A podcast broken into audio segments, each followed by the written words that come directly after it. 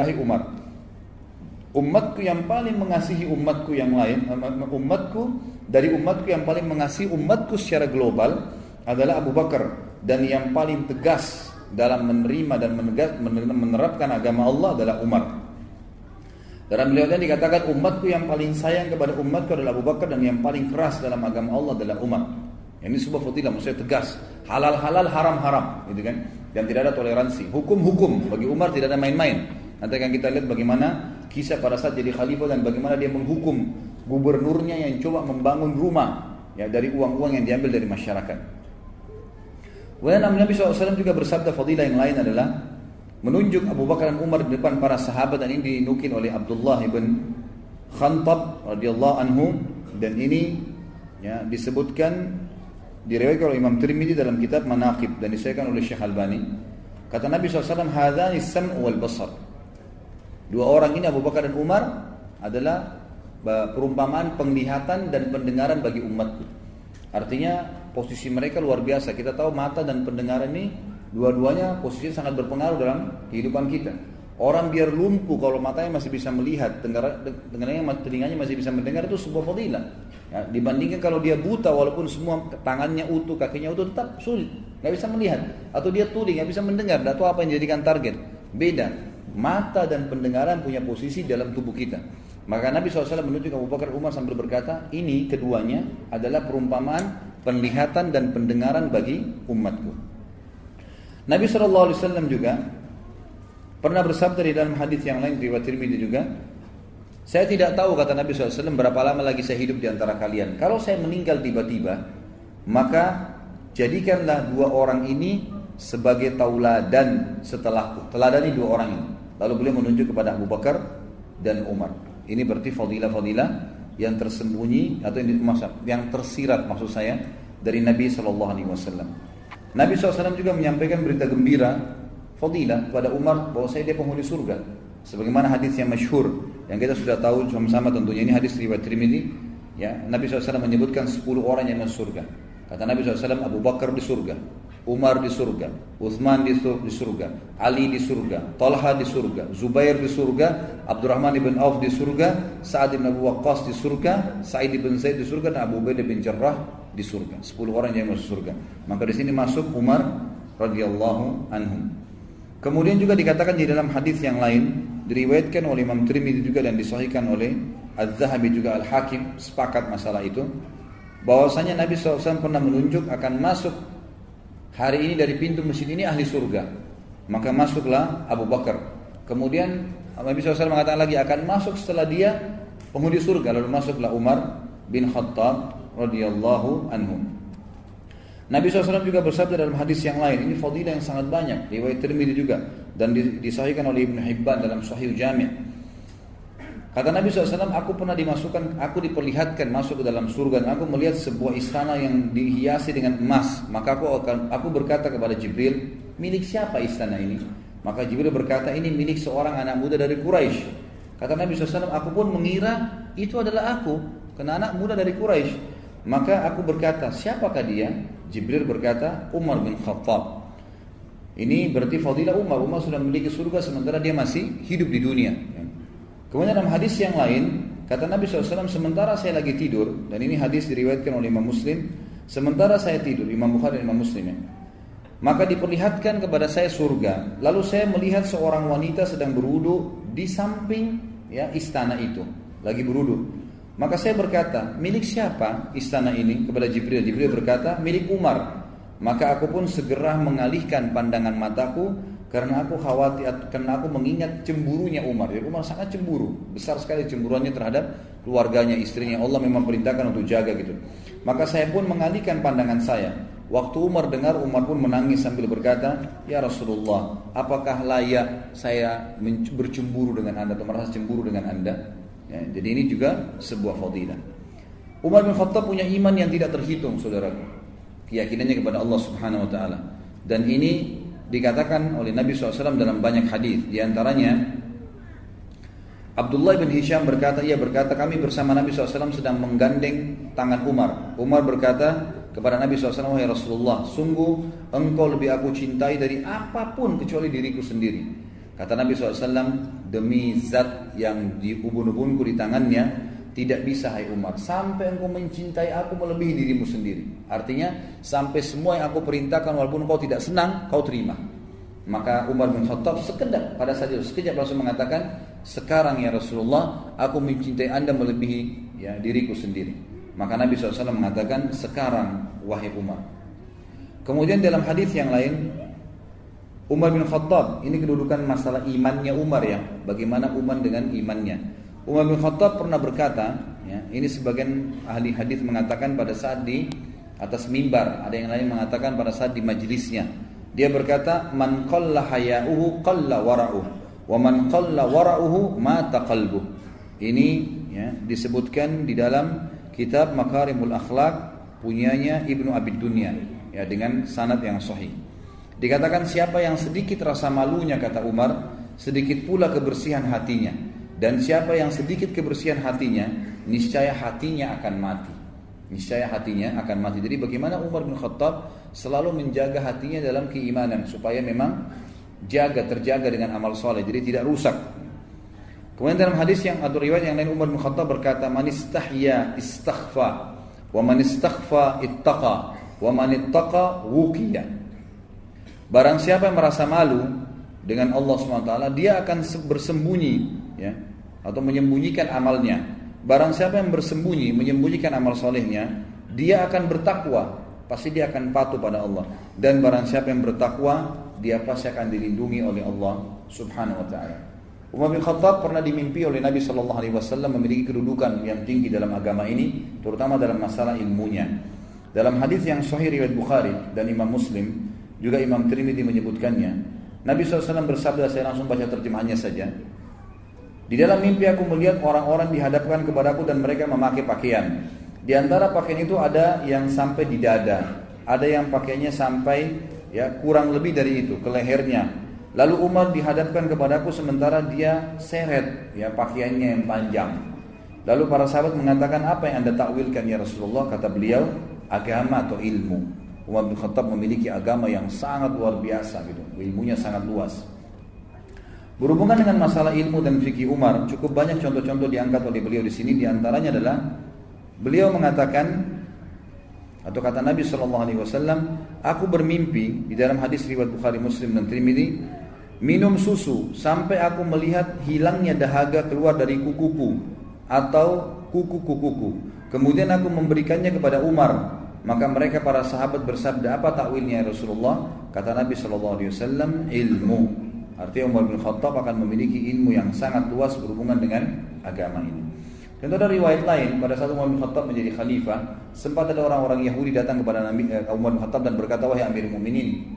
Ya, orang Yahudi berkata, kalau ada satu ayat dalam kitab kalian Al-Quran, kalau turun pada kami orang Yahudi, pasti kami jadikan hari turunnya itu hari raya. Maka kata Umar, ayat yang mana hai Yahudi? Kata Yahudi, al-yawma akmaltu lakum dinakum.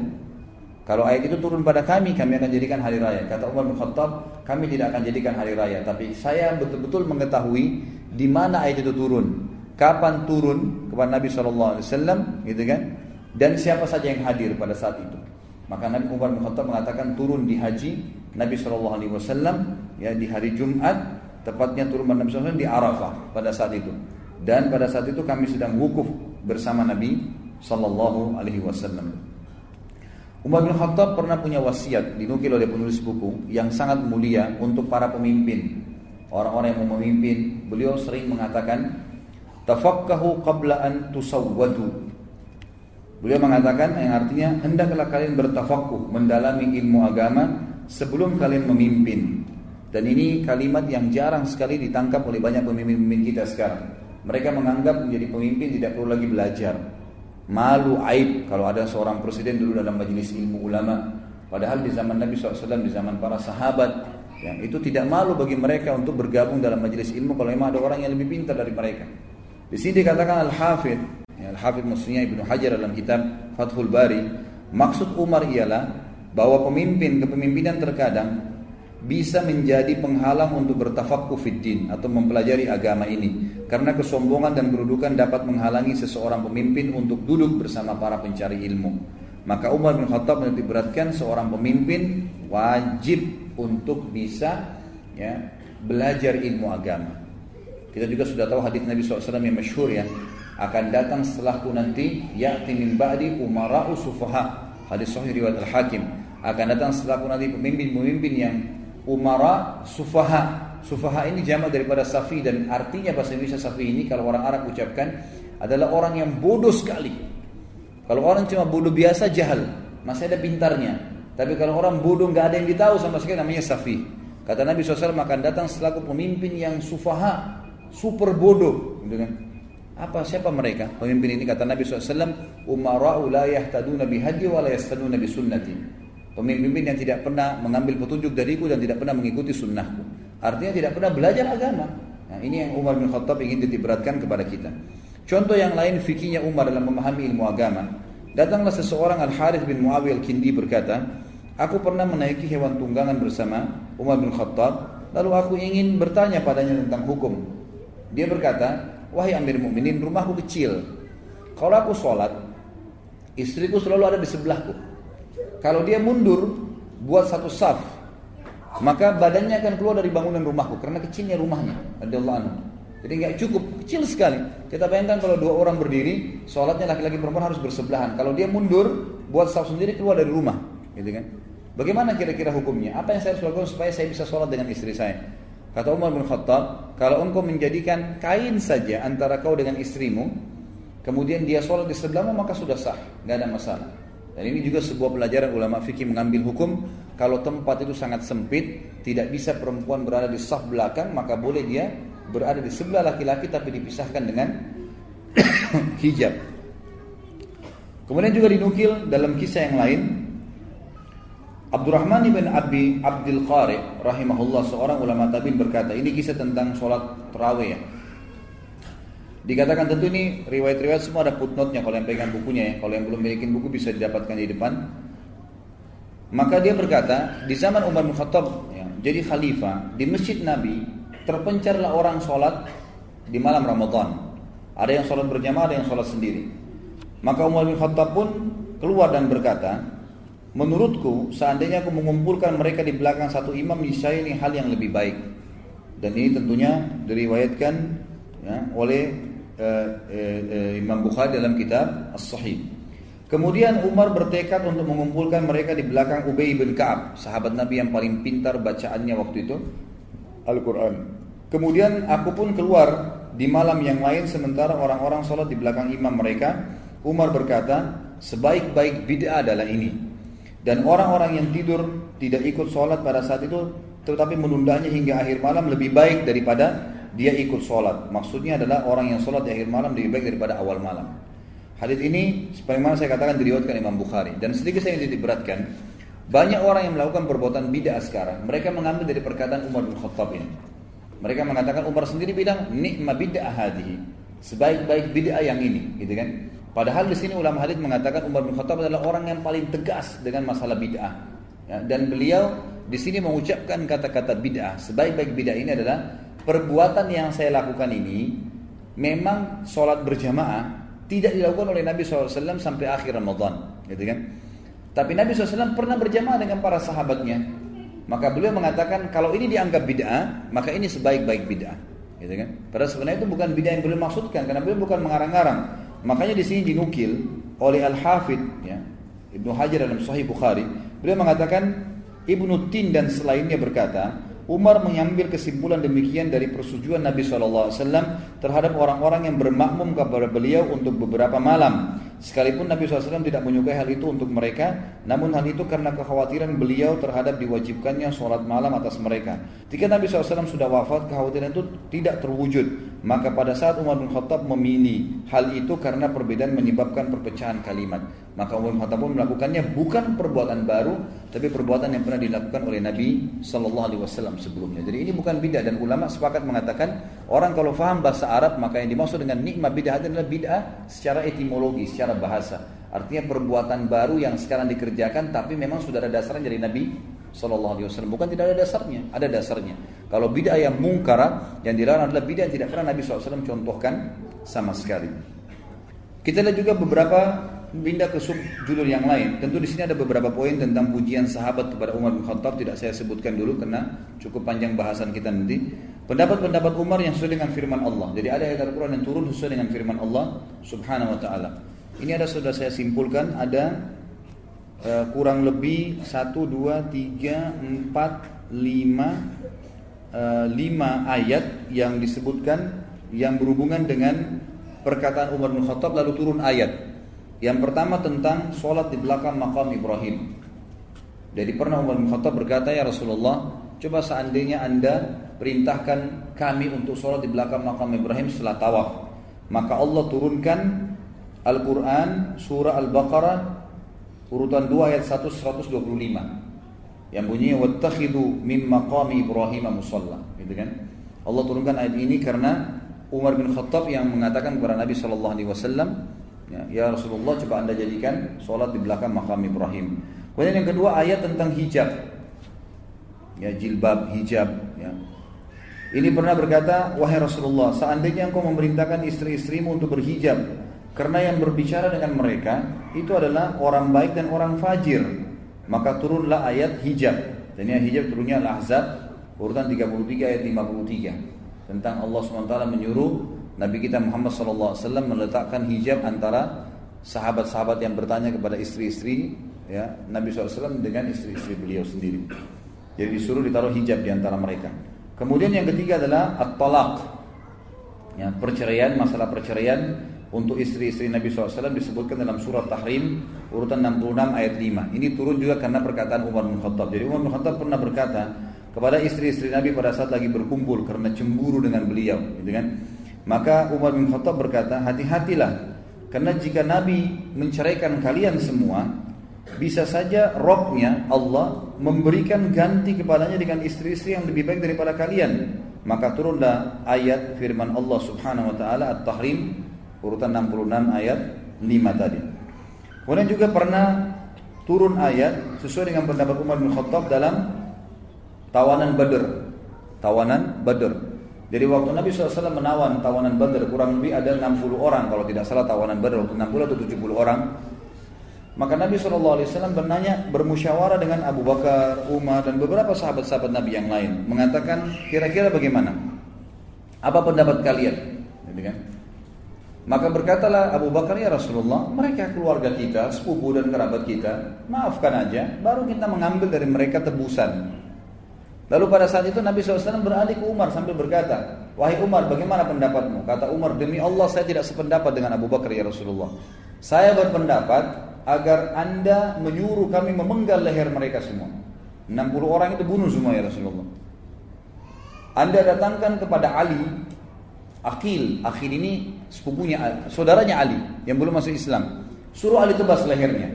Datangkan kerabat terdekat saya, suruh saya tebas lehernya Rasulullah. Datangkan kerabat terdekatnya Abu Bakar, suruh tebas lehernya. Nabi SAW mengatakan, kenapa? Kok kenapa harus dibunuh tawanan-tawanan Badar? Kata Umar, ya Rasulullah, mereka adalah pejuang-pejuang kafir. Mereka keluar dari Mekah, memang untuk menyerang Islam. Bukan ini bukan tawanan biasa, tawanan perang. Memang dan mereka ini baru pertama kali menghadapi peperangan dengan kaum muslimin. Perlu kita masukkan rasa takut dalam hati mereka dan Allah tidak melarang kita membunuh orang kafir yang berperang. Maka waktu itu Nabi SAW lebih cenderung dengan pendapatnya Umar, pendapatnya, eh, maaf, pendapatnya Abu Bakar untuk eh, memaafkan dan mengambil tebusan. Keesokan paginya ini terjadi malam-malam nih, habis sholat isya musyawarah. Subuh menjelang subuh, Umar bin Khattab bercerita, dia bilang saya datang ke masjid lalu saya temukan Nabi SAW dengan Abu Bakar lagi nangis. Lalu saya berkata, apa yang membuat kalian berdua menangis? Ceritakan kepada saya supaya saya bisa ikut menangis, gitu kan? Karena ini nggak mungkin Nabi sama Abu Bakar nangis kecuali masalah penting gitu kan. Lalu Nabi SAW mengatakan kalimat yang masyhur. Kalau yang pegang buku bisa dilihat di paragraf terakhir di halaman 221. Kalimat yang luar biasa nih. Di mana Nabi SAW mengatakan, Aku menangis karena menerima tebusan dari tawanan yang diusulkan oleh kawan-kawanmu. Azab telah Allah perlihatkan, ditampakkan kepadaku lebih dekat daripada pohon ini. Ditunjuk sebuah pohon. Rasulullah SAW menunjuk sebuah pohon dan Allah SWT menurunkan maka nabi nabiin an yakuna lahu asra asra hatta yudkhina fil ard. Tidaklah pantas bagi seorang nabi mempunyai tawanan Tidak perlu ada tawanan, tidak perlu ada tebusan. Artinya mereka boleh dibunuh sebelum dia menumbuhkan musuhnya di muka bumi. Sebelum Mekah takluk, maka tawanannya boleh dihukum mati. Sampai firman Allah SWT, Fakulu mimma ghanimtum halalan tayyibah. Dan makanlah dari sebagian rampasan perang yang telah kalian peroleh dengan cara yang baik. Sebagaimana dijelaskan surah Al-Anfal ayat 67 sampai 69. Umar bin Khattab berkata, ketika Abdullah bin Ubay, ini kejadian yang lain nih, ya, sebab atau ayat turun yang lain berhubungan dengan Umar bin Khattab turun ayat dengan pendapatnya, so, mensolati munafik. Jadi tadi kasus tawanan Badar sudah selesai ya, tidak jadi Nabi, nggak jadi Nabi saw membunuh mereka, karena memang sudah terlanjur ada keputusan. Tapi Nabi saw sempat diperlihatkan azab karena malah ya tidak membunuh tawanan Badr tadi. Maka di sini berarti pendapat Umar yang disetujui oleh Allah Subhanahu wa taala walaupun tidak direalisasikan karena memang surat lanjut diputuskan oleh Nabi Shallallahu alaihi wasallam. Kemudian yang selanjutnya adalah kejadian tentang dilarangnya sholat di belakang jenazah atau mensolati jenazah munafikin. Ini terjadi waktu ya, Abdullah ibn Ubaidillah bin Salul mati, pimpinan mujahid, pimpinan orang munafik di Madinah. Nabi SAW karena sayangnya dengan umatnya tetap mensolati, tetap mensolatinya. Pada saat disolati oleh Nabi SAW disolati, Umar bin Khattab bilang, saya nggak tahu kenapa tiba-tiba saya datang lalu mengatakan kepada Rasulullah, ya Rasulullah, ini munafik, jangan disolatin. Kata Nabi SAW, wahai Umar, lalu sambil menghalang jalannya Nabi, ini, Umar bin Khattab jalan, jangan ya Rasulullah. Ya, Umar bin Khattab pun nanti setelah ini mengatakan, saya tidak tahu kenapa saya lakukan itu. Lalu Nabi SAW mengatakan, Umar minggirlah dari jalanku. Biarkan saya sholatin dia. Karena Allah Tuhanku memberikan pilihan kau beristighfar untuk mereka atau tidak istighfar maka saya mau beristighfar walaupun sampai 70 kali gitu kan lalu Umar bin Khattab mengatakan ya Rasulullah jangan. Dalam beberapa riwayat dikatakan Umar bin Khattab sempat memegang pundak Nabi SAW sambil mengatakan ya Rasulullah munafik tinggalin jangan sholatin. Gitu kan? Lalu Nabi SAW ternyata sholatin. Nah merasa kesian dengan Abdullah bin Bidayah bin ini pimpinan munafikin. Lalu setelah itu turun firman Allah Subhanahu Wa Taala yang disebutkan di dalam surah At-Taubah ayat 84 yang bunyinya auzubillahi minasyaitonir rajim wala tusalli ala ahadin minhum mata abada setelah hari ini jangan pernah kau salatin lagi orang munafik dari mereka wahai Muhammad ternyata Umar bin Khattab berkata saya terus terang tidak tahu kenapa waktu itu saya begitu berani dengan Nabi SAW sampai menahannya ya ternyata apa yang aku sampaikan sesuai dengan apa yang Allah atau Tuhanku inginkan yang Tuhanku inginkan juga ada beberapa ulama yang menambahkan tentang ayat hijab jilbab itu juga turun karena Umar bin Khattab. Ayat tentang pengharaman khamr turun juga karena Umar bin Khattab. Jadi pernah Umar bin Khattab melihat beberapa sahabat waktu turun firman Allah Subhanahu wa taala, A'udzu minasyaitonir rajim, ya ayyuhalladzina amanu la taqrabus salata wa antum sukara hatta ta'lamu ma taquluna wala junub wala junuban illa abiri sabilin hatta tagtasilu. Al-ayah. Kurang lebih terjemahnya begini, hai orang yang beriman jangan kalian sholat sementara kalian mabuk, gitu kan? Sampai kalian tahu apa yang kalian ucapkan dan jangan juga Orang-orang yang junub sampai dia mandi ya kalau dia mau sholat atau dia mau ibadah. Maka pada saat itu, ikhwan dan akhwat sekalian, Umar bin Khattab merasa terganggu karena ada sahabat yang sholat sambil mabuk, nggak tahu apa yang diucapin, gitu kan? Kadang-kadang juga ada yang mabuk kemudian duduk sebentar depan masjid, sadarin dirinya kemudian baru masuk masjid sholat. Maka Umar bin Khattab berkata, ya Allah, haramkan minuman ini buat kami, haramkan, ya. Maka Allah SWT turunkan surah Al-Ma'idah ayat 90 sampai 91. Tentu ini tidak ditulis dalam buku ini ya. Ini saya tambahkan. Jadi itu juga disebutkan oleh para ulama bahwasanya turun Al-Maidah ayat 99 tentang masalah pengharaman khamar, sungguhnya khamar, judi, mengundi nasib dengan uh, apa namanya? dengan anak panah adalah perbuatan syaitan. Jauhilah, tinggalkanlah. Apakah kalian akan uh, uh, meninggalkannya? Apakah kalian berhenti? Fahal antum muntahun, hal antum muntahun, apakah kalian akan berhenti? Maka semua sahabat mengatakan intahina, intahina. Kami berhenti, kami berhenti. Maka di situ dikeluarkan juga hadis Bukhari, semua sahabat akhirnya memecahkan kendi-kendi khamar mereka sehingga membuat seluruh jalan Madinah penuh dengan khamar dan baju-baju mereka pun terkena khamar lalu mereka sholat tanpa mencucinya. Dari hadis ini juga dikeluarkan sebuah hukum bahwasanya alkohol sifatnya najisnya maknawi secara makna, nggak najis total gitu ya. Cuma najis zatnya tapi tidak najis, tidak menajiskan gitu kan. Sama dengan kotoran hewan yang dimakan dagingnya pada saat keinjak kotoran ayam disebutkan dalam hadis Bukhari tidak membatalkan Hewan yang dimakan dagingnya dia najis secara maknawi, secara makna nggak menajiskan. Najis zatnya tapi tidak menajiskan. Dicuci bisa sholat, gitu kan? Dan ini juga sebagaimana khamar sama alkohol. Karena para sahabat pecahin kendinya, kena baju mereka, mereka sholat tidak membersihkannya. Yang yang hukum lain adalah kalau dia meminumnya, bukan kasusnya adalah karena memabukkan, ya, bukan karena masalah najis secara maknawinya itu. Dan ini diambil juga dari kisah ini. Dan ulama mengatakan subhanallah, ini pelajaran imaniyah ya. Selama orang sholat di belakang makam Ibrahim, Umar bin Khattab panen pahalanya, karena dia penyebabnya.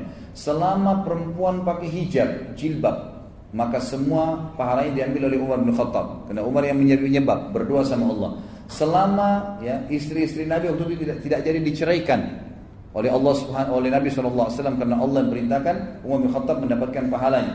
Selama waktu itu ya tawanan Badar berhasil lolos dan ada di antara tawanan nanti masuk Islam Umar bin Khattab mendapatkan pahalanya. Dan selama orang munafik tidak pernah disolatin ya, tidak pernah disolatin maka Umar bin Khattab dapat pahalanya. Dan juga selama ya tadi yang terakhir yang saya sampaikan selama khamar diharamkan dan tidak ada yang minum maka Umar bin Khattab memanen pahalanya. Karena justru dia berdoa kepada Allah Subhanahu wa taala. Nah, ini sebuah hal yang positif juga ya. Kita dianjurkan kalau melihat sebuah kemungkaran tidak bisa memungkiri dengan lisan atau belum bisa minimal kita mendoakan ya Allah berikanlah hidayah penduduk Jakarta ini, berikanlah hidayah penduduk kota ini. Ya Allah berikanlah hidayah keluarga saya. Satu waktu Allah berikan hidayah kita dapat pahalanya. Dan itu yang Umar bin Khattab lakukan radhiyallahu anhu walaupun beliau lengkapkan dengan penyampaian berdoa sambil disampaikan kepada Nabi Shallallahu alaihi wasallam agar Nabi SAW meminta kepada Allah Subhanahu wa taala. Dan kata para ulama, karena Umar bin Khattab ini betul-betul memegangi sebuah prinsip dasar. Ini yang benar, maka ini dia patuhi. Semua hidupnya adalah wahyu. Nggak ada yang lain. Maka itu sebab utama kenapa dalam hadis dikatakan syaitan lari daripada Umar bin Khattab dan ini disebutkan dalam riwayat yang sahih. Ini riwayat banyak cukup riwayat diriwayatkan Imam Bukhari, diriwayatkan juga oleh uh, ya Imam Bukhari menyebutkan disebut dengan di sini Pernah satu kali kata Sa'id bin Abi Waqqas, Umar bin Khattab minta izin masuk ke rumah Nabi Shallallahu Alaihi Wasallam. Pada saat itu istri-istri Nabi lagi berbicara di hadapan Nabi SAW dengan suara mereka lebih tinggi dari suara Nabi SAW. Maka Umar bin Khattab waktu masuk tiba-tiba istri-istri Nabi diam dan menurunkan hijab mereka. Lalu waktu Umar bin Khattab masuk Nabi SAW senyum, tertawa melihat Umar masuk. Kata kata Umar ya Rasulullah, apa yang membuat anda tertawa? Semoga Allah membuat anda tertawa seumur hidup. Itu biasanya doa begitu ya. ya. Lalu kemudian berkatalah Nabi SAW, saya heran dengan wanita-wanita ini. Pada saat tadi kamu belum datang, suara mereka lebih tinggi dari suara saya, dan mereka juga belum menutup hijabnya. Pada saat kamu datang, tiba-tiba mereka seperti ketakutan, meredamkan suara mereka dan menutup hijab mereka. Lalu Umar bin Khattab menghadap ke hijabnya, ya, seperti kayak kita sekarang ini ada gorden gitu kan? Antara kita dengan akhwat itu di, di, di, dilihat gorden menghadapi gorden tersebut lalu kata Umar wahai musuh-musuh diri sendiri gitu kan? Kepada istri si Nabi. Dalam ayat dikatakan wahai musuh-musuhnya Allah apakah kalian segan dengan saya kalian tidak segan dengan Nabi Shallallahu Alaihi Wasallam? Istri Nabi yang paling tua menjawab itu? Ummu Salamah. Ummu Salamah mengatakan iya karena Rasulullah SAW lebih lembut dan lebih baik daripada kau wahai Umar. Gitu kan? Dalam ayat dikatakan kau lebih keras daripada Nabi Shallallahu Alaihi Wasallam gitu kan? Maka pada saat itu Nabi SAW tidak menanggapin dialog antara Umar bin Khattab dengan istri-istri Nabi ya, Alaihi Wasallam jadi waktu itu yang, di, yang diperhatikan oleh Nabi SAW adalah penyampaian wahyu yang lain. Kata Nabi SAW wahai ibnu Khattab. Anak ini Khattab wahai Umar bin Khattab demi zat yang ubun-ubunku dalam genggamannya. Kalau seandainya kau lewat di sebuah lembah dan setan lihat kau lewat di lembah itu maka dia akan cari lembah yang lain. Artinya karena tegasnya dalam masalah keputusan agama. Gitu kan. Jadi halal halal, haram haram. Yang dilarang dilarang, gitu kan. Sampai istri-istri Nabi pun kalau salah ditegur oleh Umar bin Khattab. Tidak ada toleransi bagi dia. Semuanya diluruskan kalau memang salah. Dalam riwayat lain disebutkan, riwayat ini riwayat Tirmidzi, dikatakan kata Nabi SAW, Inilah anzuru ila syayatinil insi wal jinni kat farru min Umar. Bukan depannya Umar ya, tapi Nabi SAW bilang di depan Aisyah, wahai Aisyah, saya melihat syaitan dari jenis jin dan manusia semuanya lari dari Umar. Semuanya takut, gitu kan? Dari Umar radhiyallahu karena luar biasanya beliau dari sisi apa namanya kedekatannya dengan Allah Subhanahu Wa Taala. Kemudian Umar bin Khattab juga ya selalu mengikat dirinya dengan wahyu dan selalu melibatkan Allah dalam kehidupannya. Ada hal yang menarik di sini. Di sini tuh saya penulis kecerdikan Al Faruq dalam perang Tabuk. Perang Tabuk ini perang yang sangat jauh dari Madinah, Bapak Ibu sekalian. Jadi antara Madinah sama Tabuk ini jaraknya kurang lebih ya, kurang lebih itu 1000 km. Jauh sekali jaraknya. Dan pada saat itu sahabat menunggangi kuda sama unta semampunya. Yang jalan kaki jalan kaki nanti tukaran sama temannya. Jadi tukar-tukaran untuk naik di ya apa namanya naik di unta atau di, di, di kuda itu. Di tengah jalan Ternyata para sahabat kehabisan bekal dan mereka berkata ya Rasulullah, kami kehabisan bekal makanan. Bisakah ya izinkanlah kami untuk menyembeli unta-unta kami. Jadi kami ngambil dagingnya, kami ambil juga lemaknya, gitu kan? Lemaknya itu biasa dileburin menjadi minyak yang mereka bisa pakai untuk makan, gitu kan? Dagingnya nanti dicelupin di lemak itu pada saat sudah menjadi minyak. Biasanya dulu dilakukan seperti itu. Lalu unta ini punya satu kelebihan, Bapak Ibu sekalian yang mungkin kalau yang belum tahu ya jadi di perut unta itu ada sebuah kantong cukup besar, itu bisa menampung tidak kurang dari 10 liter air, 10 sampai 15 liter air itu bersih. Jadi unta itu kalau minum, dia menarik ya, itu dia tidak angkat kepalanya sampai kantong itu penuh. Makanya kata Nabi SAW, apa jangan kalian minum seperti unta. Ya, unta itu kalau minum terus sampai hausnya hilang, gitu kan? Kita kan kalau minum dianjurkan minum lepas, Minum sampai tiga kali, nggak boleh nafas kalau minum. Kalau unta nggak nafas, terus ditarik sama dia, gitu kan. Nah ini Nabi SAW berikan perumpamaan dan unta ini punya sebuah kantong di perutnya. Kalau anda mau bisa baca tafsir waktu Allah SWT mengatakan wa ilal ibili kaifa khuliqat. Coba lihat bagaimana unta kami ciptakan. Ada sembilan kelebihan unta. Di antaranya adalah di perutnya ada kantong yang kalau dia minum air di kantong itu tertampung tidak kurang dari 10 sampai 15 liter sama satu galon kita sekarang yang besar tuh 10 liter air yang masuk di situ. Dan itu tidak tercemar dengan apa pun. Pada saat unta berjalan di padang pasir dan dia haus dengan sistem yang Allah ciptakan di tubuhnya air itu bisa ditarik sama dia membasahi tenggorokannya kemudian masuk kembali gitu. Makanya unta ini sering dipakai di zaman dulu dalam peperangan dan perjalanan jauh karena kalau disembeli dagingnya bisa dimakan air di kantongnya bisa diminum gitu kan Sahabat-sahabat mengatakan ya Rasulullah izinkan kami sembeli unta-unta kami, kami jadikan sebagai bekal airnya kami minum, lemaknya kami jadikan minyak gitu kan. Lalu Nabi SAW mengatakan lakukanlah. Umar bin Khattab waktu itu hadir di situ. Umar mengatakan sebentar ya Rasulullah, mohon maaf, saya ingin sampaikan sesuatu. Ya Rasulullah, daripada anda menyuruh mereka menyembeli unta-unta mereka. Dan kita hanya kehilangan tunggangan. Sementara tabuk ini jauh. Dan kalau kita berjalan kaki pasti lebih letih. Kalau pakai unta atau kendaraan tunggangan, ada kuda atau unta, maka kalau untanya letih, orangnya tinggal turun, tetap bisa di, di diajak jalan. Berarti bisa hemat waktu. Kalau orang jalan kaki capek, dia istirahat, maka berhenti perjalanan, gitu kan? Maka kata Umar bin Khattab, saran saya Rasulullah, kumpulkan semua bekal-bekal. Semua bekal-bekal sahabat ini, kumpulkan bekal-bekal kami, lalu berdoalah kepada Allah agar Allah Subhanahu wa taala memberkahi bekal ini. Maka Nabi SAW pun setuju dengan pendapat Umar lalu mengatakan setelah menebarkan kain Nabi SAW mengatakan kumpulkan semua bekal kalian. Lalu dikumpulkan lalu Nabi SAW mendoakan bekal-bekal mereka. Memang waktu dikumpulin sedikit sekali bekalnya, gitu kan? Sedikit sekali. Maka kata Nabi SAW ya Allah berkahilah bekal-bekal kami ini. Lalu Nabi SAW mengatakan masukkan ke kantong-kantong kalian. Setelah mereka masukkan Subhanallah yang punya sepotong roti, yang punya cuma sepotong daging, yang punya cuma sekendi air, itu mereka masukkan kembali ke kantong-kantong mereka sampai pulang pulang pulang dari perang Tabuk pun itu masih utuh. Masih utuh karena diberkahi oleh Allah Subhanahu wa taala. Dan ulama mengatakan kekuatan Umar di sini nih. Beliau selalu melibatkan Allah dalam segala kehidupannya. Luar biasa gitu. Jadi selalu daripada habisin lebih baik berdoa. Dan ini juga saya ingin beratkan jemaah sekalian. Banyak orang di antara kita menjadikan hubungannya dengan Tuhannya Allah Subhanahu wa taala itu nomor 30. Misal dia lagi mau berobat sakit. Banyak orang di antara kita dia pergi ke dokter berobat, sakit. Dia tahu dia punya Tuhan Allah Subhanahu wa taala. Yang ciptakan dia Allah, ciptakan penyakit Allah, ciptakan kesembuhannya Allah. Tapi dia nggak minta kepada Allah. Dia ke dokter, "Dok, saya sakit ini." Konsultasi, langsung gitu kan. Kemudian setelah itu dia minum obat. Pada saat tidak sembuh kan juga nggak kembali kepada Allah. Kembali ke dokter, "Dok, kenapa saya belum sembuh, Dok? Resep apa lagi?" dan seterusnya. Konsultasi dari dokter ke dokter, pindah beberapa dokter. Orang yang seperti ini Allah akan biarkan sesuai dengan ikhtiar manusianya gitu kan. Mestinya kata para ulama, diambil pelajaran dari Umar bin Khattab, libatkan Allah dari awal, nanti Allah akan mudahkan itu manusia atau obat atau makanan jadi solusinya. Misal sebelum berobat mengatakan ya Allah sembuhin saya, maka pasti Allah akan mudahkan nanti konsultasi dokternya cocok, resepnya cocok dengan sekali saja sudah cukup. Di sinilah kelebihan Umar bin Khattab radhiyallahu. Beliau selalu libatkan Allah dulu di awal, baru kemudian ya beliau ya, apa namanya berikhtiar secara manusia. Di sini ditulis lagi judul yang lain. Eh, mohon maaf. Kata Nabi SAW waktu melihat itu, jadi Allah berkahi makanan tadi, beliau mengatakan, Asyhadu an la ilaha illallah wa anna Muhammad Rasulullah. Beliau syahadat sendiri. Lalu beliau mengatakan, tidak ada seorang hamba pun yang mengucapkan kalimat syahadat ini dengan tulus, lalu tidak ada keraguan sedikit pun dalam hatinya, kecuali pasti masuk surga. Dijamin masuk surga. Ini hadis disebutkan ya diriwayatkan oleh Imam Bukhari dan juga Imam Muslim serta ada beberapa ya yang lainnya meriwayatkan tapi ini disebutkan Imam Bukhari dan Imam Muslim.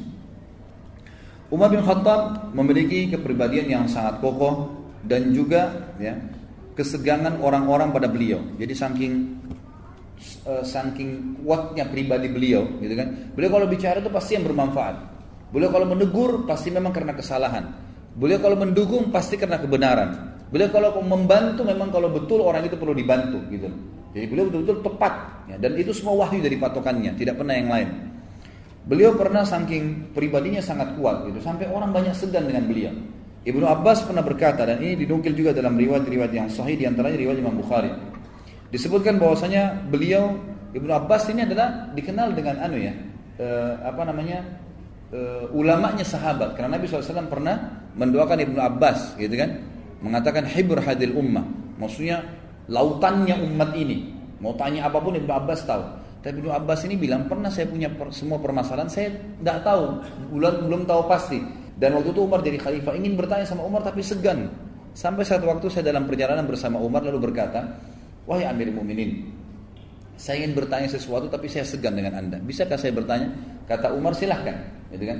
Kata Ibnu Abbas, siapakah dua istri Nabi yang sempat membuat Nabi gundah ya dalam satu keadaan sampai akhirnya Nabi hampir menceraikan mereka. Kata Umar bin Khattab, Hafsah dan Aisyah. Hafsah ini anaknya beliau, gitu kan? Aisyah anaknya Abu Bakar dan memang dua dua dua istri Nabi SAW ini yang pernah buat ada bahasa sendiri tentunya pernah buat e, mengajak istri-istri Nabi yang lain untuk e, e, minta nafkah dinaikkan, gitu kan? Sampai turunlah surah At-Talaq menjelaskan masalah itu. Tapi yang jelas di sini Umar tidak segan menyebutkan nama anaknya Hafsah dan dia memberikan jawaban kepada Abdullah bin Abbas dan Abdullah bin Abbas mengatakan, "Sungguh wahai Amir Mukminin, saya ragu segan menaikkan ini sudah lama, apalagi Hafsah anak Anda." Maka Umar berkata, "Jangan begitu. Jika engkau menyangka aku mempunyai ilmu, bertanyalah. Dan jika memang ya, aku mengetahuinya, aku pasti akan memberikan jawaban kepadamu." Ikrimah juga pernah meriwayatkan Umar bin Khattab ini saking disegani oleh orang-orang, beliau pernah mau bekam. Oh bekam ya, Beliau pernah mau bekam, mengeluarkan darah kotor dari tubuhnya, sunnah Nabi SAW. Lalu beliau pada saat mau dibekam, beliau sempat uh, ada sedikit nyangkut di lehernya, lalu beliau ya mengatakan melakukan mengedehem ya. Tiba-tiba saja dikatakan dalam riwayat ini dan ini riwayat dinukil oleh Ibnu Sa'ad dalam kitab Tabakatnya. Tiba-tiba tukang bekannya bekamnya kencing di celana. dalam riwayat lain dikatakan saking segannya mereka dengan Umar. Umar bin Khattab pernah jalan diikuti oleh beberapa sahabat dan tabiin. Karena mereka waktu Umar jadi khalifah setiap kali jalan selalu diikutin. Siapa tahu ada kejadian nih karena Umar bin Khattab ini kalau ada kejadian satu pasti langsung di dieksekusi diselesaikan pada saat itu. Dan beliau dengan sangat tegas nggak main-main dalam menyelesaikan masalah. Dan pasti rujukannya wahyu. Satu waktu beliau lagi jalan banyak ikut dari belakang nih. Umar bin Khattab nggak tahu nih kalau banyak orang yang ikutin. Mereka jalan pelan-pelan diikutin gitu kan maka satu waktu Umar melakukan tadi sama, nyangkut di lehernya sesuatu, dia ngedehem, tiba-tiba sahabat di belakang banyak yang sarungnya jatuh. Gitu. Dikatakan dalam riwayat, lalu ada satu sahabat datang mengatakan, wahai Amir Muminin, pelan-pelanlah sama orang-orang yang beriman. Maksudnya mereka sampai takut sama anda begitu, sampai sarungnya jatuh kalau ngedehem saja gitu kan. Maka kata Umar bin Khattab, apakah mereka takut waktu melihat saya karena Allah? Maksudnya karena melihat saya patuh sama Allah? Sahabat ini bilang iya yang bermukmin. Kata Umar biar mereka takut. Kalau karena Allah mereka takut dan lihat orang beriman itu terus takut melanggar, biarin aja nggak apa-apa.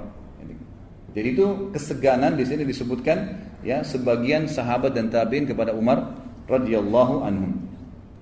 Umar bin Khattab juga ini Allah SWT berikan firasa. Kalau ikhwan dan akhwat belum pernah dengar, ada istilah dalam agama kita, firasatul mukmin. Kata Nabi SAW dalam riwayat Bukhari, firasatul mukmin itu benar ya Jadi kalau antum terus dekatkan diri kepada Allah Subhanahu wa taala, nanti Allah munculkan kepekaan-kepekaan, firasa-firasa ya yang kita datangkan, yang kita rasakan. Misal ada orang mau buat buruk, kita merasa, gitu kan? Ada eh, kadang-kadang dikuatkan dengan mimpi, ya seseorang kata Nabi SAW mimpi yang benar itu adalah salah satu dari cabang kemujizatan kenabian bagi orang beriman ya. Maka ini ada terjadi. Kalau ada orang mau berbuat baik kita bisa merasakan gitu kan. Kadang-kadang kita mimpi mau dikunjungin oleh keluarga. Jadi memang ada terjadi bagi orang-orang yang beriman. Itu disebutkan oleh sebagian ulama berhubungan dengan kedekatan dengan Allah SWT. Umar bin Khattab ini pernah karena dekat dengan Allah SWT. Jadi dia punya firasat yang sangat kuat dan dia yakin dari Allah SWT karena dekatnya sama Allah. Dia selalu menjauhi maksiat. Tidak ada maksiat bagi Umar. Bagaimana bisa ada maksiat sementara syaitan pun lari dari dia. Nggak ada yang goda, gitu kan? Jadi nggak ada yang goda dia untuk melakukan kesalahan. Disebutkan bahwasanya pernah seseorang datang kepada Umar bin Khattab diriwayatkan dari Yahya bin Sa'id rahimahullah seorang ulama tabi'in. Beliau berkata ada seorang laki-laki datang kepada Umar dan Umar tanya, "Siapa namamu?" Dia menjawab, "Jamrah." Lalu dia berkata, Umar berkata, "Anak siapa?" Dia berkata, "Bin Shihab." Jamrah bin Shihab. Umar bertanya, "Dari marga, marga apa?" Dia mengatakan dari Al-Harakah. Umar bertanya lagi, "Dari kabilah mana?" Jadi kalau marga itu substansial dari kabilah, gitu kan? Maka dari dari dari dari dari marga, dari e, marga mana dikatakan dari al haraka dari kabilah mana dia mengatakan dari Bani Diham, di, eh, dari Bani Diram. Umar berkata di mana tempat tinggalmu? Dia mengatakan Harrah. Lalu Umar berkata di sebelah mana? Dia mengatakan Zatul Lazzah. Ya. Lalu Umar berkata selamatkan keluargamu karena desamu lagi kebakaran. Lalu orang itu pun pulang dan dia menemukan seperti apa yang dikatakan oleh Umar bin Khattab radhiyallahu Jadi seperti itu. Sampai pada tingkat dia eh, feelingnya dia itu sampai menunjukkan sesuatu yang benar terjadi. Kemudian juga Imam Az-Zahabi menukil kepada kita dalam riwayat yang sahih disebutkan dalam Syiar Alam Nubala ini buku rujukan 43 jilid semuanya berhubungan dengan biografi para orang-orang soleh dulu. Ada seseorang kalau ikhwah dan akhwat pernah dengar namanya Al-Aswadul Unsi. Ini dulu bersamaan dengan Musailam al-Kadzab. Dua orang yang bersamaan di akhir hidup Nabi SAW mengaku sebagai Nabi. Mengaku sebagai Nabi. Aswad al-Unsi ini pernah berhadapan dengan, dia mengaku Nabi. Bukan cuma mengaku Nabi, dia kufur memang gitu kan. Dia berhadapan dengan seorang ulama tabi'in yang mulia bernama Abu Muslim al-Khawlani. Muslim al-Khawlani ini terkenal sekali dengan kesolehannya. Dia beriman pada Nabi SAW di masa Nabi masih hidup tapi belum sempat lihat Nabi. Jadi dia dikalungkan kalangan tabi'in. Waktu itu Aswad al-Unsi ini membakar sebuah api besar untuk membakar Abu Muslim al-Khawlani. Terkenal sekali kisahnya. Abu Muslim al-Khawlani ini coba dimasukkan ke dalam api oleh Abu Aswad al-Unsi dan tidak berhasil. Waktu didorong ke dalam api, ternyata dipadamkan api tidak terbakar Abu Muslim al-Khawlani. Sampai ulama mengatakan ada satu nabi dan satu orang soleh yang tidak dibakar api karena berimannya kepada Allah. Itulah Ibrahim alaihissalam nabi dan Abu Muslim Khulani dari kalangan orang biasa. Dan ini dari tabiin. Abu Muslim Khulani waktu dibakar tidak bisa oleh al Unsi, penasehatnya bilang, penasehat Asrul Unsi, uh, Asrul Unsi ini, kalau kau tidak keluarkan Abu Muslim dari Yaman, waktu itu di Yaman ya, maka dia akan merusak pengikutmu. Maka Al Asrul Unsi mengatakan, saya mengaku kalah hai Abu Muslim, tapi keluarlah dari negeriku, dari Yaman. Asad al-Unsi menuju ke Madinah. Waktu itu kebetulan baru saja Nabi SAW meninggal. Abu Muslim Abu Muslim Al Khawlani ini niatnya ingin bertemu dengan Nabi SAW. Mau jadi sahabat gitu kan. Pas tiba di Madinah, ternyata baru saja dimakamkan Nabi SAW. Baru selesai mati, berarti tidak sempat ketemu dengan Nabi SAW. Waktu dia sholat di masjid, Umar bin Khattab melihat dia. Dan kisahnya Abu Muslim al-Khawlani sudah sampai ke Madinah nih ada seorang yang beriman dibakar oleh Allah Unsi tidak terbakar gitu kan? Terkenal tapi orang tidak ada foto nggak ada yang kenal pada saat itu. Abu Musa al-Khawlani datang mengikat untanya di Masjid Nabawi langsung masuk sholat ya. Begitu dia sholat sebelum dia tanya tentang Nabi Shallallahu Alaihi Wasallam Umar bin Khattab memandang dia lalu berkata mungkin ini orangnya dari Yaman. Padahal ini kejadian baru terjadi di Yaman. Lalu Umar pun mendekati sambil berkata, siapa anda ini? Kata dia, Abu Muslim. Al-Khawlani. Kata dia, bagaimana? Ya, dari mana Anda dibilang dari Yaman? Bagaimana ceritanya tentang seorang hamba Allah yang saleh yang tidak jadi dibakar oleh seorang pendusta Al-Asad Al-Unsi? Kata orang itu, dia baik saja. Dia selamat dari api. Langsung kata Umar, saya bertanya atas nama Allah. Kaukah dia orangnya? Maka dia mengatakan, iya. Maka Umar pun menangis memeluknya sambil membawa tangan Abu Musa al-Khawlani ke, kepada Abu Bakar dan berkata, "Wahai Amir Mukminin, Umar sudah jadi Abu Bakar sudah jadi khalifah. Wahai Mukminin, inilah orang yang telah Allah selamatkan setelah Khalil Ibrahim. Setelah kekasih Allah Ibrahim selamat dari api, inilah orang yang tidak jadi dibakar oleh api." Maka Abu Bakar pun menangis memeluknya selalu mereka berpelukan sambil ngobrol dan menceritakan tentang matinya Nabi Shallallahu Alaihi Wasallam. Lalu kata Umar bin Khattab, segala puji bagi Allah yang telah mempertemukan saya kepada seseorang yang uh, telah Allah selamatkan dari api sebagaimana Allah menyelamatkan ya, Ibrahim alaihissalam. Dan ini dinukil dalam siar alam nubala tadi. Dari sisi ibadahnya Umar bin Khattab, Umar bin Khattab ini melakukan ibadah dengan kekuatan. Maksudnya apa? Azan apa pun halangannya, sholat. Nggak ada urusan dia. Apa pun perintah dari Allah Subhanahu wa taala, kekuatan dia gunakan artinya dirinya pun dia bangkitkan semangat dengan kekuatan. Jadi tidak ada keraguan masuk dalam hatinya karena luar biasa keyakinannya tentang kebenaran gitu.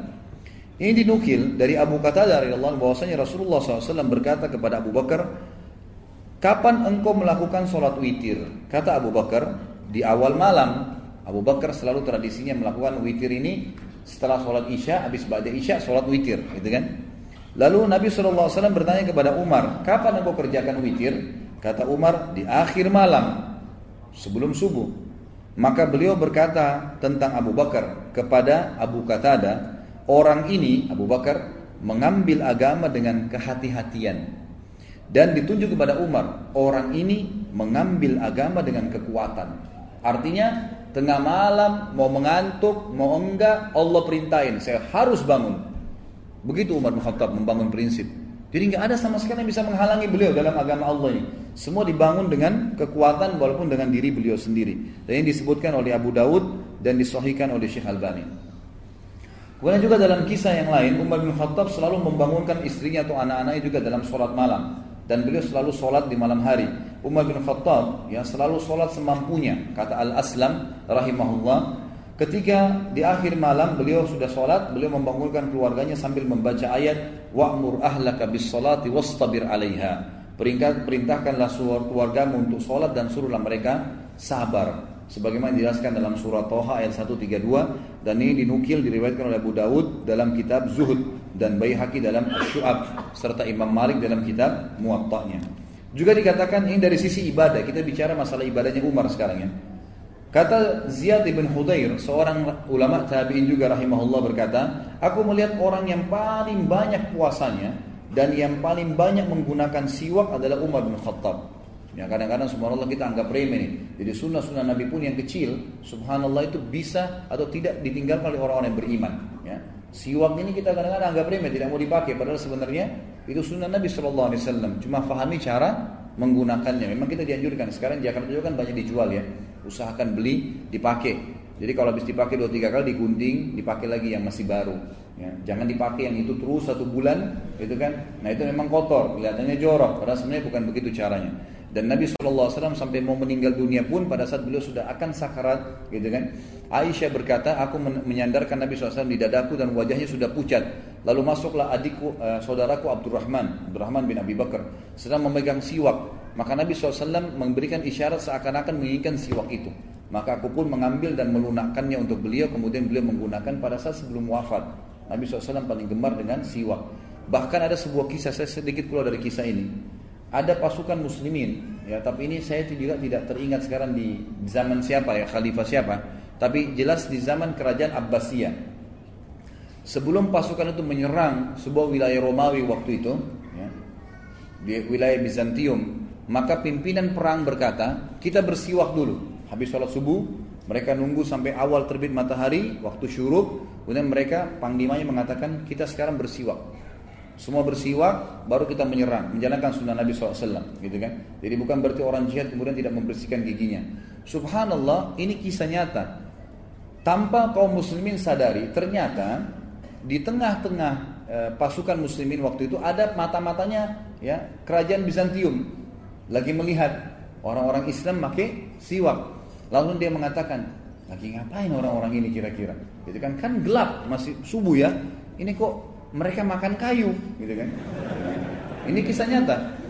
Lalu pulanglah mata-mata ini kepada Raja Bizantium waktu itu dan wilayah itu takluk pada pagi itu ya di tangan kaum muslimin. Dia balik dan mengatakan kayaknya kita nggak bisa kalahin umat Islam deh. Kayu aja dimakan. Gitu kan. Padahal sebenarnya bukan makan kayu lagi pakai siwak gitu kan. Itu sedikit berhubungan dengan masalah siwak tadi. Juga disebutkan uh, Ibnu Umar berkata, Umar tidak meninggalkan dunia kecuali dia sangat banyak berpuasa. Dan Uthman bin Abi As juga berkata, Uthman bin Abi As ini menikahi salah satu dari istri Nabi eh, istri Umar bin Khattab radhiyallahu anhu. Umar bin Khattab berpoligami, ya. Kemudian salah satu istri Umar bin Khattab, ya, ya, ya waktu itu tidak disebutkan namanya, tapi dinikahi oleh Uthman uh, bin Abi As. Dan dia berkata, Uthman bin Abi As ini seorang sahabat yang mulia juga, gitu kan? Dia mengatakan, aku tidak menikahi istri Umar ini untuk mengharapkan keturunan atau bahkan menikahi karena seorang wanita, mungkin karena syahwat. Tapi aku menikahi karena aku ingin mengetahui tentang malamnya Umar. Dan riwayat ini bersambung di buku ini tidak disebutkan. Teman-teman kalau lihat ini di halaman 229 footnote nomor 89 saya sedang bahas itu ya. Maka riwayatnya berlanjut begini. Lalu dia bilang istrinya Umar pun menceritakan kepada saya. Umar bin Khattab itu kalau mau tidur kata Uthman bin Abi Asin radhiyallahu anhu majma'in kalau dia tidur di samping ranjangnya di tempat tidurnya dia meletakkan seember air yang dekat dengan tangannya jadi pada saat dia tidur, kemudian tangannya kesentuh air, dia bangun sholat, udah tidak tidur lagi sampai pagi. Gitu kan. Begitu terus itu salah satu yang dinukir kepada kita. Ibnu Katsir juga menyebutkan tentang malamnya Umar bin Khattab dia mengerjakan sholat isya bersama orang-orang lalu pulang dan mengerjakan sholat malam sampai fajar. Ya sampai fajar. Jadi beliau Umar bin Khattab ini cirinya tidur pada saat ngantuk saja. Jadi malam itu jarang sekali tidur. Siang pun itu jarang juga tidur. Beliau kadang-kadang kalau ngantuk sekali baru tidur. Sampai dikatakan waktu ditanya kenapa anda lakukan ini Umar bin Khattab mengatakan kalau aku tidur di siang hari aku akan menghilangkan kesempatan untuk mengurus ya rakyatku untuk jadi khalifah ya. Kemudian kalau aku tidur malam hari aku menghilangkan urusan aku berkomunikasi dengan Tuhanku. Jadi luar biasa. Dia tidur kapan dia ngantuk saja, gitu kan? Umar bin Khattab memberikan banyak pelajaran kepada kita dari sisi agama. Di antaranya adalah statement yang masyhur dari Umar bin Khattab agar orang-orang tidak kembali menyembah berhala. Disebutkan dalam hadis Bukhari dan juga Muslim juga Imam Ahmad, Abu Dawud dan Tirmidzi. Juga selainnya menyebutkan dalam riwayat sahih ini bahwa saya Umar bin Khattab pernah berdiri di depan Hajar Aswad lalu dengan tegas menekankan kalimat mengatakan suaranya keras Umar bin Khattab jahur keras sekali. Dalam beberapa riwayat dikatakan Umar bin Khattab tinggi besar Sampai kalau duduk di atas kuda kakinya sampai di tanah, gitu kan? Lalu beliau berkata kepada Hajar Aswad berdiri di musim haji pada saat itu kemudian teriak dengan suara keras mengatakan inni la a'lamu annaka hajar. Saya sungguh betul-betul tahu kau adalah batu saja. La tadur wa la tanfa. Kau tidak bisa memberikan manfaat dan tidak bisa menyusahkanku atau terbalik ya, tidak bisa menyusahkanku dan tidak bisa memberikan manfaat kepadaku. Walaula anni raaitu Rasulullah sallallahu alaihi wasallam yukabbiduka ma qabbaltuka. Kalau bukan karena saya melihat Nabi SAW menciummu, saya tidak akan menciummu.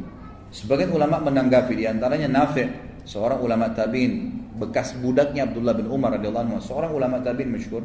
Dia mengatakan pada saat itu ya, orang-orang banyak mendatangi pohon yang digunakan untuk membaiat Nabi Shallallahu Alaihi Wasallam di bayat Ridwan ya. Itu di perang Hunain ya. Pada saat peperangan dulu pasukan muslimin sempat berpencar. Kemudian eh, datanglah Nabi SAW berdiri di bawah sebuah pohon kemudian dibaiat pada saat itu. Ada juga yang mengatakan yang maksudnya bayat pada saat bayat Nabi SAW ya bayat ya di Mekah gitu kan. Tapi intinya ini adalah sebuah bayat pohon yang pernah Nabi SAW berdiri kemudian di situlah ya orang-orang berkumpul pada saat itu Lalu orang-orang banyak mendatangi tempat tersebut dan mereka sholat di sana. Maka sampai berita kepada Umar, maka Umar menyuruh agar menebang pohon tersebut. Ditebang, karena memang itu bukan berarti harus jadikan sunnah. Kecuali Nabi SAW memerintahkannya dan ini sudah sering saya titik beratkan. Anda kalau pergi umroh, pergi haji, ingat gua Hira itu adalah gua yang Nabi SAW datangin hanya sebelum diturunkannya wahyu. Setelah turun wahyu Iqra bismi rabbikal khalaq yang pertama, sampai Nabi SAW meninggal, nggak pernah beliau datang lagi di, di Gua Hira, nggak pernah datang di Gua Hira, nggak pernah beliau khusus memerintahkan para sahabat datang. Sayangnya jemaah haji dan jemaah umroh kita memaksakan diri ke sana. Bahkan yang paling ramai itu jemaah dari Asia, Indonesia, dan yang paling ramai juga adalah dari Pakistan. Dua ini rame-rame naik gunung, gitu kan. Ada yang jatuh sampai jatuh, ada yang meninggal. Padahal itu tidak perlu. Ada yang sholat di situ. Subhanallah. Ini yang Umar bin Khattab titik beratkan nih. Jangan semua bekas yang Nabi SAW pernah di situ, kemudian kita tiba-tiba langsung melakukan sholat atau ibadah. Ini salah. Saya pernah hadapin sendiri jemaah sekalian waktu lagi musim haji. Selesai sa'i, subhanallah, pas habis tahallul kepala, itu kan habis syukur rambut, di sebelah pintu marwa itu ada perpustakaan. Di situ dulu sekarang sudah dibongkar ya.